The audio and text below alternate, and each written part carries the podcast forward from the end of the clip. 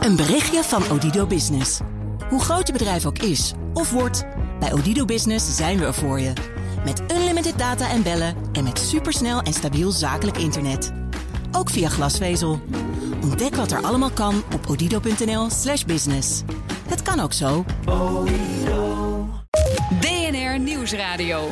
BNR Zaken doen. Thomas van Zeil. De Italianen geven aan de ingediende begroting van vorige week niet te wijzigen. Ze kunnen niet anders, want de economische situatie dwingt ze hiertoe. Daarover gaan we praten met het economenpanel. Bestaat vandaag uit Luc Abe, hoofdeconoom bij Van Landschot Bankiers. Erik Bartelsman, hoogleraar economie aan de Vrije Universiteit. En Martin Visser, econoom en journalist bij de Telegraaf. Mijn zakenpartner is nog altijd ondernemer, investeerder en mentor van startups Marja Ruigrok. Welkom allen. Goedemiddag. Goedemiddag. Het loopt een beetje zoals gedacht, denk ik, Martin. Of doe ik dan uh, wat er nu uitkomt uh, tekort? Uh, nee, ik denk wel dat het wel, wel klopt inderdaad. De Italiaanse regering heeft aangegeven per brief dat ze de begroting, begroting niet uh, gaat wijzigen. Uh, de Europese Commissie had daar vorige week uh, om gevraagd om uh, officieel om nadere informatie om tot een finaal oordeel te kunnen komen. Maar in, die, in dat verzoek om nadere informatie zat al wel heel duidelijk een eerste oordeel. Dus dat vond ik opvallend in die brief dat de Commissie zei dat het, dat het echt historisch was dat de Italiaanse begroting zo ver afweek van de afspraken die daarover eerder waren gemaakt. Is dat zo overigens? Ehm, ik heb dat niet, niet, niet gecontroleerd eerlijk gezegd, maar ik, ik kan me voorstellen dat het wel klopt. Dus dat ongeveer anderhalf procentpunt tussen waar ze op uitkomen en waar ze op hadden moeten zitten zitten. Dus dat is, uh, dat is geen kleine afwijking. Ik weet, Zelfs al... het structurele tekort. Ja, datgene wat onderliggend de echte begroting is, was ja. 1,4 of zo afwijking. Dat is best ja, heb ik wel eens meegemaakt uh, dat, dat landen een marge gingen zitten. En dan, dan bleek een rek in de afspraken. We hebben met, met België wel eens meegemaakt. De begroting werd teruggestuurd. Uh, maar echt anderhalf procentpunt afwijking. Dan, dan, dan kies je gewoon een hele duidelijk andere route. En Italië houdt gewoon vast. Ja, omdat er ook wel wordt gezegd, hè, als nu zelfs Frankrijk zich hiermee gaat bemoeien, toch niet een land dat zich altijd keurig netjes aan de begrotingsregels heeft gehouden, dan neigt dat ook naar hypocrisie. Maar in dit geval is het wel logisch dat Europa echt wil optreden in hoeverre dat ook gaat gebeuren. En de, ruimte om op te treden is natuurlijk klein. In Italië is het een, een, een moeilijke politieke coalitie op het ogenblik. Uh, het ziet er niet naar uit dat de bevolking zegt van... oh ja, ja, Europa, daar luisteren we wel even naar. Die hebben ons zoveel gebracht. Dus de, de peilingen laten zien dat, dat ze niet echt denken... dat Europa nu een goede partner voor ze is.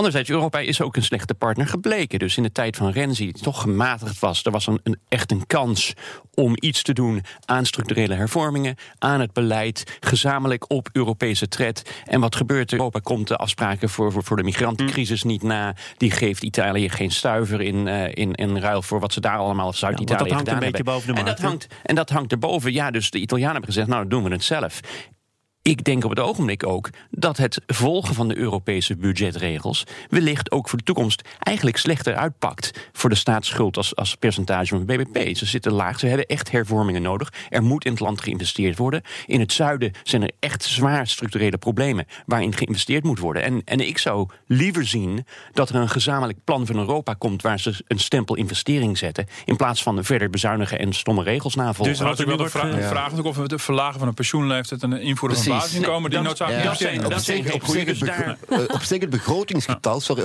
is niet zo belangrijk, maar het komt erop aan hoe is die begroting samengesteld. Het tekort aan 2% is 2,5 of 2,8.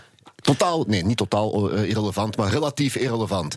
Maar als je inderdaad pensioenleeftijd opnieuw ver, verlaagt, als je basisinkomen uh, gaat, gaat invoeren, ja, structureel ga je daar je veerkracht van je economie hm. niet maar mee opkrikken. Dus, en dat is het probleem. Ja. Nou, maar daar zit dus de ruimte voor de onderhandeling met Europa om na te gaan van luister eens, wat kunnen we wel en niet doen, waardoor de langere termijn uh, vooruitzichten voor het land hm. beter worden. En daar kun je soms van, van verschil van mening over hebben. Dus ik ben geen voorstander van een basisinkomen. Ik denk dat dat fnuikend is voor voor de lange groei. Maar, maar daar zou met Europa, denk ik, ruimte zijn om te gaan onderhandelen over hoe moet dat er wel uitzien. Hoe kunnen we zorgen dat we de economie wel op peil brengen? Nou, ik ben bang dat er heel weinig ruimte voor onderhandelen is. Omdat zowel de omvang van de begroting als de koers van de begroting zo totaal afwijkt van wat je zou willen.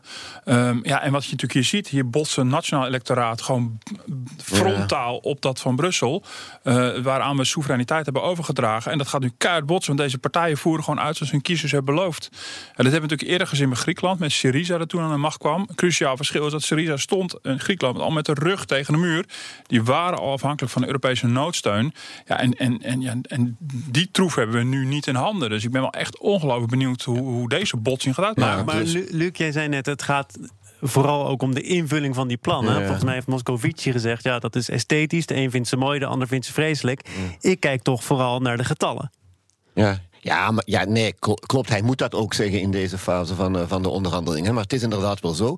Ja, Italië heeft een schuldprobleem. Maar Italië heeft ook een groeiprobleem. Misschien vooral een groeiprobleem. Als je kijkt naar sinds begin van deze eeuw, begin van de euro ongeveer, is de Italiaanse economie cumulatief met ongeveer 5% gegroeid. Dus als ze toen 100 waard was, is ze nu 105 waard. Het gemiddelde in de eurozone is 100 in de 30 ergens. Dus Italië heeft een structureel groeiprobleem. Punt is, hoe ga je dat structurele groeiprobleem oplossen? Niet door een basisinkomen en niet door je pensioenleeftijd te verlagen, maar door echt hardere maatregelen te nemen. En dan zit je natuurlijk onmiddellijk in het politieke vaarwater.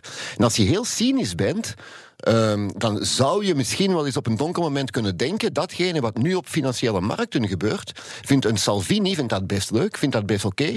want eigenlijk voeren in zijn ogen althans financiële markten op dit moment campagne voor zijn Europese verkiezingen in mei.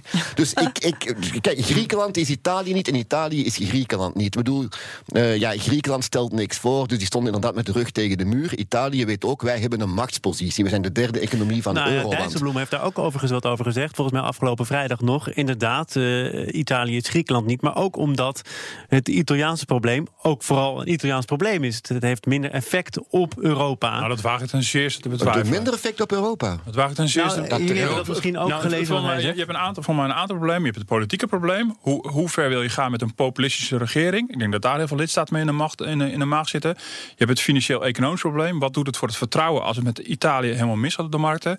En je hebt nog gewoon de Europese politieke problematiek. Want we staan op het punt om steeds meer risico's van elkaar te gaan dragen. We staan op het punt, ook als Nederland, om mee te gaan dragen. Ja. De risico's van banken. transferunie, De, de transferunie die is, die is in verdere opbouw. Precies op dit moment. En daar zijn de, de financiële markten haken daarop in. Omdat het nog niet gebeurd is, kun je met z'n allen lekker zo'n land onder druk zetten. En op het ogenblik, in de laatste vijf jaar, zijn heel van de, van de staatsschuld van Italië is gerepatrieerd. Zit in Italië zelf. Nou, bij de centrale bank, en dat is natuurlijk niet geweldig, maar ook bij, de, bij het bankaire stelsel. Daar doet de En. Waardoor nu. Eh, als de financiële markten met z'n allen eh, de, de boel in de fik proberen te steken, ja, dan gaat het echt ook mis. Want dan, dan nemen de, van de banken die komen verder onder druk te zijn. Hun tier 1 capital, eh, ze moeten dus geld gaan aantrekken. Er is geen geld om aan te trekken, want de, want de opslag op de rente is veel te hoog. Dus je kunt zo'n land echt kapot splijt, splitsen. Dus wat we wel willen in Europa is inderdaad die solidariteit met z'n allen. Alleen hoe kom je van nu van waar we zitten tot dat. En da- daar denk ik dat politiek de enige uitweg is om, om toch een politiek compromis te sluiten. waarin je de getallen van vandaag in een context plaatst van een lange termijn plan. waar, waar, Griek- waar Frankrijk en Duitsland hun handtekening onder kunnen zetten. Ja. Ehm, ik sprak zojuist met eh, Kees de Kort. Doe ik iedere dag. Schiet je heel erg veel mee op in het leven. Hij zei: Kalmte kan ons redden. Ehm, praten we elkaar ook een zekere paniek aan als het hier om gaat? Ja. Kees de Kort, die kalmt eh op Ja. Ja, je verwacht het niet. Jongen, Ja, jongen. kijk, kijk, dit, gaat, dit gaat denk ik ook opgelost worden. Ja, opgelost. Gaat, eh, gaat eh, eh, uitgesteld worden, zo moet ik het eigenlijk zeggen, op zijn Europees. Hè. Eh, Italië kan men niet laten vallen. Europa en Italië, of de rest van Europa en Italië, houden elkaar in een economische wurggreep, zou je kunnen zeggen. En vooral ook om politieke redenen. Nogmaals, die Europese verkiezingen van mei. Maar gaat dit probleem fundamenteel opgelost worden, wat jij net zegt, Nee. Erik? Nee. Maar ik heb in Europa nog nooit geweten dat het echt fundamenteel wordt opgelost, zonder dat het huis echt in de fik staat. En dat staat het op dit moment niet. Maar je mag toch ook hopen dat dan tegelijkertijd op zijn, net zo op zijn Europees net zo traag wordt eh, eh, gehandeld als het gaat om het verder uitbouwen van de transferunie. Want daar zijn we dus nog bij lange na niet aan toe. Je ziet hoe makkelijk bij nieuwe verkiezingen in een lidstaat het ineens weer de andere kant op gaat. Je moet, niet denken, en je moet toch niet aan denken dat je op een gegeven moment al die risico's met elkaar deelt en dan daar mede verantwoordelijk eh, voor bent. Dat, wordt, dat is een recept voor ellende. Het economenpanel staat hier in de studio en dat bestaat uit Luc Abe, hoofdeconoom bij Van Landschot Bankiers, Erik Bartelsman, hoogleraar economie aan de Vrije Universiteit en Martin Visser, econoom en journalist bij De Telegraaf, aangevuld met mijn zakenpartner Marja Ruigrok, ondernemer, investeerder en mentor van startups. En we gaan praten over het consumentenvertrouwen in Nederland. Dat is voor de derde maand op rij gedaald, blijkt uit cijfers van het CBS. Consumenten zijn minder positief over hun financiële situatie. Ze vinden dat de tijd niet rijp is voor het doen van hele grote aankopen. Ehm, Hoe belangrijk is het, dat vertrouwen van consumenten? En hoe belangrijk is dit cijfer nu voor de derde keer op rij gedaald? Je had ook kunnen zeggen, het is nu al voor de, voor de 24ste keer boven gemiddeld. En het is ietsje minder sterk dan het vorige maand was. Dus zo zou ik het duiden. En dan als je zegt dat het drie keer op een maand, drie keer achter elkaar gedaald, ja, van een, van een hele hoge piek. En het staat nog steeds heel, heel hoog uh, in historisch perspectief. Ja, nee, dat klopt zich wel. Ik heb even een langjarig grafiek daarvan getrokken. En dan zie je inderdaad dat het heel hard op en neer gaat. Uh, maar op zich, het, het, is wel iets om in de gaten te houden. Want het aspect vertrouwen is wel ongelooflijk belangrijk. Wordt natuurlijk wel overladen met, met een soort dubbele berichtgeving. Voortdurend in Nederland gaat het geweldig, ja. economisch gezien. Maar tegelijkertijd zijn de bedreigingen vanuit het buitenland enorm. Dat kan op een gegeven moment zijn impact uh, hebben op mensen. Je hebt gezien dat de, de, deze maand oktober dus natuurlijk ook niet zo'n geweldige beursmaand bijvoorbeeld was. Dat zijn wel aspecten die wel van belang zijn. Maar op basis van drie maandcijfers, zoiets te zeggen. Uh, dat, dat, uh, ja, het, is, het is nog steeds inderdaad ver boven gemiddeld. En ja, wordt nog lager, by the way. Want dus. hoe valt dat dan te rijmen? Oh. Je hoort de hele tijd jubelverhalen. De economie gaat geweldig, groeit, groeit, groeit. En dan dat consumentenvertrouwen wat daalt. Nou, je ja. ziet inderdaad in de kranten kleine, kleine, of kleine berichten, grote berichten over Italië, over een aankomende handelsoorlog. Brexit. Uh, uh, ja, Brexit. Dus er, er, komen dingen aan. En, en dan zeggen mensen, ja, maar het gaat al sinds, sinds de bodem in 2009 gaat het al heel lang omhoog. Werkloosheid is laag. Dit kan, dit kan niet zo voortduren. Nee. En dat, dat, is ook maar zo. Maar dat betekent niet dat het volgende maand. Maar nee. is het ook niet een self-fulfilling prophecy? Ja, van, nee, uh, dat je een... zegt uh, van oh jee, het consumentenvertrouwen daalt. Dus ja, nee, dat, die, die conclusie kun je breder, niet past in een breder plaatje. Overal in Europa zie je het consumentenvertrouwen dat zich goed houdt, maar wel minder hoog is dan begin 2018. In 2017, na Macron, uh, de opluchting daarover eigenlijk, is dat gestegen. Dat zie je het overal afbrokkelen, zowel bij consumenten als ook bij producenten. Maar op deze niveaus is het, het komt nog altijd overheen met een groei van 2 procent. Dus, dus blijft positief. Geen, geen maar... enkel probleem. Maar wat Maarten ook zegt, je moet wel in de gaten houden. Ja. We hebben vaak de neiging van, oh, het brokkelt wel wat af, maar het is nog goed. Dat er plotseling niet een zwarte zwaan voor onze neus staat. Um, die, dan, uh, ja, die we niet zagen aankomen. Wat trouwens de definitie van een zwarte zwaan is. ja, het, is het is ook echt het algemene sentiment. Want CBS uh, meet twee verschillende aspecten. De ene is de algemene economische situatie. Een terugblik en een, en een, en een vooruitblik. En daarnaast de koopbereidheid van mensen. Je ziet dat die koopbereidheid blijft dan min of meer stabiel. Dus vooral die economische situatie die heel hard achteruit gaat. Dat is echt een sentimentsindicator. Die voor mij echt weer spiegelt wat wij dagelijks ook in de kans schrijven. Van let op dat boze buitenland. Want ja. er speelt nogal wat. En als dat misgaat, bijvoorbeeld een handelsoorlog, bijvoorbeeld een brexit, bijvoorbeeld in Italië. Dan heeft het repercussies op de economie. En mensen realiseren zich blijkbaar ook. Alleen het weerhoudt ze er nog niet van om een nieuwe bank te kopen of een nieuwe auto. Dus dat is hartstikke ja. goed. Nou, ik las overigens vandaag nog, uh, geloof ik, in het uh, FD. Ik las het online, dus ik weet niet precies of het nou gisteren of vandaag was. Een uh, stuk van hoogleraar Bas Terwil over de hoogconjunctuur die nog lang niet voorbij is. En dat koppelt hij dan aan het feit dat uh, er op de arbeidsmarkt nog altijd sprake van is dat de lonen eigenlijk nog helemaal niet zo hard stijgen, afgezet tegen de inflatie. Heeft hij daarin gelijk? Nou, dat is een van de, een van de waarschuwingssignalen. Is als, je, als, je, als de resources heel krap worden, dus je arbeidsmarkt wordt krap en je krijgt stijgende prijzen, dan, dan maken centrale bankiers zich zorgen en dan gaan rentes omhoog en dan probeer je de boel af te koelen. Nou, dat signaal hebben wij in Nederland nog niet gehad. Precies hoe dat komt, daar denk dat ik dat, de, dat daar vraag, zijn, daar zijn de arbeidseconomen nog niet helemaal over uit. Heeft het te maken met toch met de opkomende technologieën? Heeft het te maken dat, dat de kosten van produceren buiten arbeid om overal aan het dalen zijn. Dus er is gewoon ruimte om de ja. prijzen niet te laten stijgen. Dus Vakbonden die niet zo, niet zo sterk niet meer zo zijn. sterk meer zijn. Uh, import uit het buitenland. Dus er zijn allemaal redenen waarom de lonen nog niet omhoog gaan. Maar op het ogenblik leidt de krappe arbeidsmarkt nog niet tot een, tot een beknottende factor voor de verdere groei. Het is wel een beetje um, te eng misschien om het al dan niet op een hoogconjunctuur zijn enkel af te meten aan de situatie binnen dit land. En dit land. Als, als, relatief kleine open economie is het binnenland natuurlijk belangrijk, maar het buitenland is veel groter. Dus wellicht ook uiteindelijk veel belangrijker om te bepalen ja of nee op de top van een hoogconjunctuur. Ik wil met jullie, uh, we waren toch al een klein beetje op die arbeidsmarkt aangekomen, praten over uitzendbedrijf Randstad. Opende vorige week de aanval op de ZZP-platforms, de deelplatforms.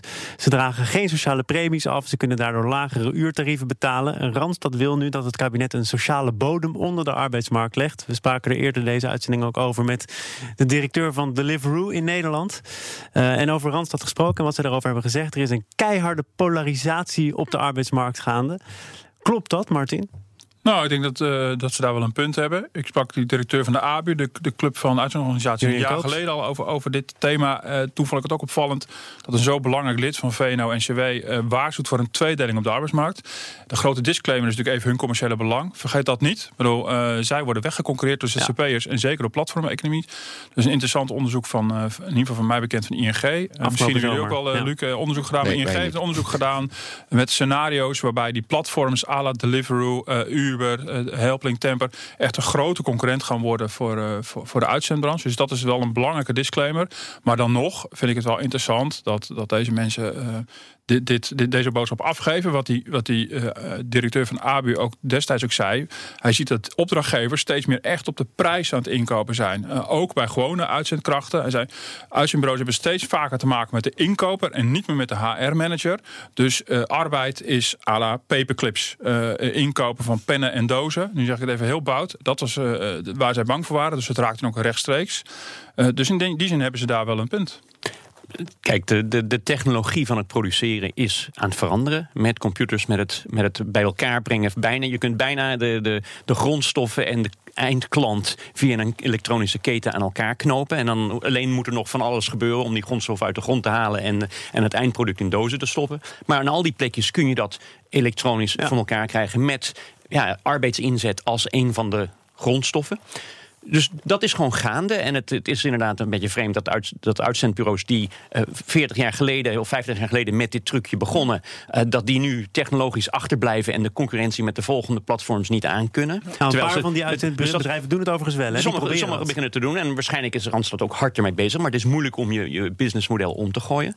Dat gezegd hebbende, ik denk dat er voor heel veel bedrijven nog steeds belang is om werknemers te hebben die een corporate identity, die het gevoel van het bedrijf uitdragen. Er zijn heel veel plekken waar je, waar je als klant te maken wilt hebben met iemand van een bedrijf die dat bedrijf uitademt en spreekt en goed praat. Maar en dat, dat krijg, en dat krijg je niet met je platformmedewerkers. Maar wel met een uitzendmedewerker? Nou, waarschijnlijk ook, Ook minder. niet, dus ik denk, ik denk in die markt dat er, dat er wat dat betreft, en of je het een tweedeling noemt of niet, dat er inderdaad bedrijven zijn die deels van hun werk laten uitvoeren door losvaste medewerkers, om- ook omdat de technologie daarom vraagt. Maar dat er ook nog ruimte is voor mensen die een bedrijf belichamen. In het regeerakkoord is, is afgesproken om een minimumtarief eh, eh, Ja, vast te hadden we stellen. het maar over dat- met onze eerste gast. Die, Ja. was daar, die zei dat het is heel speculatief. Vonden wij wel meevallen. Want eh, eh, de afgelopen maanden is, is de uitvoering van het plan eh, vastgelopen. Dus eh, ja, het blijkt dat, is dat niet zo Dat is ook niet zo evident. Hè? Het, het gaat niet echt om minimumtarief, het gaat om verzekering. Dus je kunt mensen wel extra salaris geven, maar als ze dat niet besteden aan die verzekering, want mensen zijn wat dat betreft kortzichtig, ze willen pas Ja. verzekering hebben als ze schade hebben opgelopen. Ik denk dat we die verzekeringen buiten de baan om moeten gaan regelen. Het wordt, het wordt tijd om daarover na te denken met de sociale partners, met de overheid en met, met iedereen. Hoe doen we pensioenen, ziektekosten, ongevallenverzekeringen enzovoort. Dus eh, meer op persoon dan op, op- op bedrijf. persoon. Ja, dan er zijn op twee bedrijf. dimensies. Eén, de, de, de flexwerker zelf. En Om een, om een vergelijking te maken. Ehm, ik, ik las ooit een getal van mensen die dachten dat een aflossingsvrije hypotheek dat die die nooit moesten aflossen. Ja. Dat was schrikbarend. Is die dus er zijn ook ervan? best wel wat flexwerkers. Nu, de flexwerker bestaat niet, hè, maar er zijn er best wel wat die, ja, die gewoon niet verder kijken. En dan moet je misschien een betuttelende houding enigszins aannemen om op lange termijn problemen te, vergelijking, te, te, te vermijden. Individuele problemen, maar ook, maar ook maatschappelijk. Een heel aantal dingen zijn georganiseerd en gefinancierd rond zorg, eh, rond pensioen en zo, zijn gefinancierd, gebaseerd op het oude arbeidscontract, het oude arbeidsmodel. Nu, als je daar disruptie krijgt, dan, dan zijpelt dat door in al je andere domeinen die georganiseerd en gefinancierd worden op een structuur zoals het arbeidsmodel vroeger was. Dus ja, je, je wordt, los van minimumtarieven word je gewoon gedwongen, zowel individueel als maatschappelijk ook, om, om, om dat soort dingen te gaan Ja. bekijken veel- of herbekijken in ieder Je moet geval. naar een nieuwe status toch? Er wordt getwi- getwijfeld over bijvoorbeeld het worker-model. Ja. Iemand die hangt tussen een vaste werknemer en een ZZP'er. Want het huidige arbeidsrecht is nog niet toegerust op de nieuwe modellen. Nee, wat het kabinet doet is niet zozeer een minimumtarief, maar die zegt gewoon onder een bepaald tarief beschouwen we jou gewoon niet meer als ZZP'er. Ja. Dus 15 à 18 Dan ben je euro per uur, dan ben je eigenlijk in loondienst. Het, het, het, het, Koolmees krijgt het alleen nog niet voor elkaar. Dat is juridisch, eh, Europees rechtelijk heel ingewikkeld. Maar dat was de gedachte. Zeg, haal die onderlaag eruit en zeg van ja, maar dat is geen, dat is geen, kan je geen, met goed fatsoen geen ondernemerschap meer noemen. Dus dan haal je de kwetsbaarste groep, trek je eruit en die komen dan automatisch in aanmerking voor eh, nou, al de faciliteiten die Luc net noemde, die vast, eh, samen samenhangen met de, met de vaste baan. Overigens, in het regeerakkoord worden ook de pijlen gericht op de payrollers.